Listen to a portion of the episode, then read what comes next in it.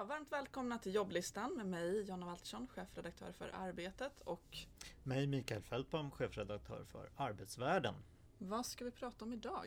Jag tänkte prata om att eh, plugga när man blir äldre och om Moderaternas vårbudgetmotion. Mm, spännande. Jag har framat mitt lite mer rättshaveristiskt. Så jag tänkte prata om pensionssveket och ödesvalet. Dramatiskt och bra tycker jag Jonna. Kan inte du börja?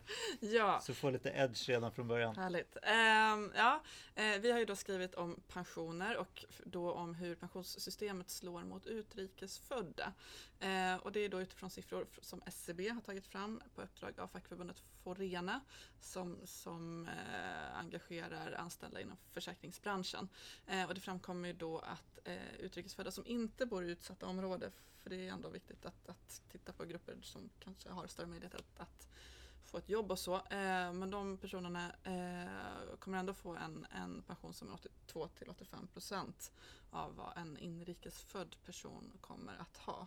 Eh, och lägger man då till tjänstepension så blir pensionen ännu lägre. Då det handlar om lite drygt 72 procent. Ehm, och såklart olika faktorer spelar in i det här. Det kan vara arbetslöshet, ehm, låga inkomster men också det här med kort intjänande tid. För det är ju så, eh, om du har börjat arbeta i Sverige efter 30 års ålder då kan du liksom inte tjäna in en fullgod pension. Och här finns det ju någonstans ett rätt stort systemfel. Du kan jobba och bidra eh, under större delen av ditt vuxna liv men ändå inte komma upp i en tillräckligt hög pension. Eh, så. så det är ju lite tråkigt. Det är många som har skäl att oroa sig för pensionen känns det mm, Jag såg mm. någon sån här kurva, man kollar om vi då skulle gå i pensionen vid 65, vilket mm, ju mm. kanske inte är realistiskt längre. Men då säger liksom pensionsprognosen att man får ut ungefär 40 procent av eh, inkomsten som man hade medan mm, man jobbade. Precis, och då kan man ju då lägga till att man som utrikesfödd enligt Forena borde eh, spara någonstans mellan 700 och 800 000 kronor för att liksom, mm, ja, få en dräglig tillvaro som, som pensionär. Um, så. Nej, men det är väl rimligt att tro att vi alla kommer behöva öka spara, avsättningarna spara. till pensionen. I, både i systemet kanske och eventuellt privat eller hur man löser det. Mm, mm. I måndags kom ju eh, nyheten att eh, regeringen tillsätter en eh, liten intern utredning för att eh, uppfylla den här punkten i januariavtalet om hur äldre ska kunna studera med CSN-stöd. Och det är ju bra och välkommet. Mm. Men jag tyckte att det fanns, nu är inte direktiven helt officiella än när vi spelar in det här, men det verkar ändå luta åt att det ska bli kostnadsneutralt det här förslaget, vilket ju liksom väcker en liten oro att det var väl ändå inte tänkt att den här punkten skulle gå ut över de som då studerar och som är yngre Eh, om man nu ska fördela om pengar så att mm. de som är äldre ska få mer och det ska vara kostnadsneutralt så blir man ju lite skraj att eh, de som är yngre då ska få mindre. Ja, det låter, det låter ju som en lite märklig utgångspunkt. Ja, jag hoppas att man, man löser det där. Ja, Samtidigt mm. så det här finns inte heller med att eh, man ska se över de här taken eh, på hur mycket man har inkomsttaket liksom så mm. att man kompenserar eller så att man får lån även om man tjänar, eh, tjänar bra. Då. Och det kan ju mm. slå mm. mot dem som då ska överväga om man ska plugga samtidigt som man jobbar. Mm. Kanske därför det blir kostnadsneutralt. Det är ingen som är Nej, det, som kommer Det kommer inte att fungera, precis. Det, det, så kan det vara. Som att det blir svårt. Ja, så jag tycker att eh, det är ju en bra eh, reform men det får inte fastna i att Eh, man försämrar för andra om man, när man nu ska uppfylla de här reformerna i 73-punktsavtalet. En lite bredare Nej. poäng liksom att eh, det blir märkligt om det blir om man ger med ena handen och tar med den andra. Ja men precis, också just om man tänker på omställning och kompetensutveckling att det är viktigt att kunna plugga med studiestöd utan att känna att man förlorar för mycket inkomst. Då kommer man inte gå den där utbildningen mm. som man kanske behöver för mm. att få det där jobbet. Mm. Ja, vi håller tummarna för att det blir, en, eh, att det blir ett lyft. Mm, mm, ja, verkligen. EU-val hörru. Ja. Det är spännande. Um, jag vet inte, tycker du, jag tycker inte att man har upplevt någon jättehet valdebatt, att man känner att det är ett liksom stort val som är på gång. Upplever du det? Jag tror att den brukar vara väldigt sen mm, i Sverige, mm. att det är tre veckors valkampanj. Ja. Vilket är tråkigt tycker jag. För att det betyder att folk inte hinner sätta sig in i de här frågorna som är ganska svåra. Men det finns ju då en grupp som eh, är på gång och som mobiliserar väldigt mycket nu och det är eh, Europas bruna rörelse eller främlingsfientliga rörelse beroende på vilket begrepp man vill, vill kalla den. De mobiliserar för fullt nu. Eh, under påsken så passade jag på att läsa en bok av Lars Gederlund eh, som heter Ödesvalet, en orosanmälan om ett brunt Europa som tar upp just det här, den här eh, rörelsen som ju verkligen lyckas engagera folk.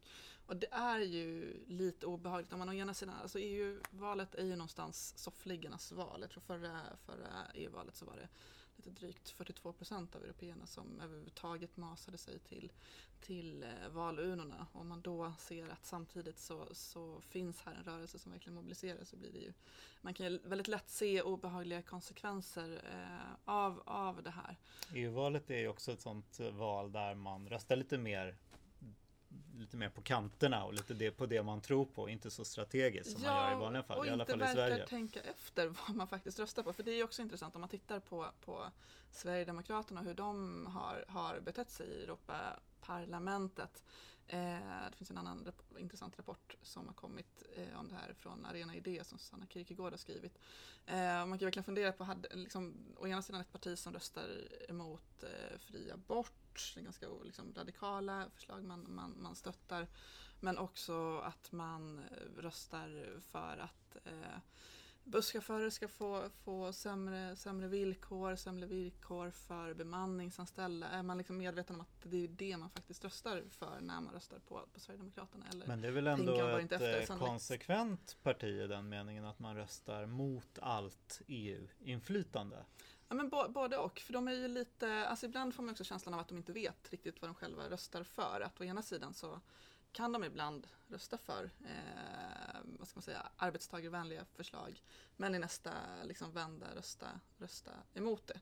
Eh, och bara under liksom, processen av ett enda förslag. För det tas ju utskott och det är olika liksom, eh, delrapporter och där kan man rösta liksom, för eller emot förslag som verkligen är i strid med, med varandra. Så det är väldigt förvirrat. Det kan finnas vissa motsägelser där. Ja, ja men det som blir intressant blir ju hittills har ju då eh, kristdemokratiska gruppen EPP och socialdemokratiska mm. kunnat sluta överenskommelser och haft mm, majoritet. Mm. Men om det högerextrema blocket växer nu så kommer man ju behöva söka sig till Liberalerna i Alde eller gröna, mm, mm. gröna gruppen. Så då får man ju någon sorts liberalt eller något eh, miljöperspektiv på frågorna. Det blir intressant att se hur man ska gå den balansgången. Det är ju mm, det som händer i de nationella parlamenten ja, också, precis. att det blir svårare att bilda allianser. Ja men exakt och, och eh, en inte liksom helt otrolig utveckling att det blir svårare att fatta beslut överhuvudtaget i EU och det brukar ju i sin tur gynna populistiska partier så det finns ju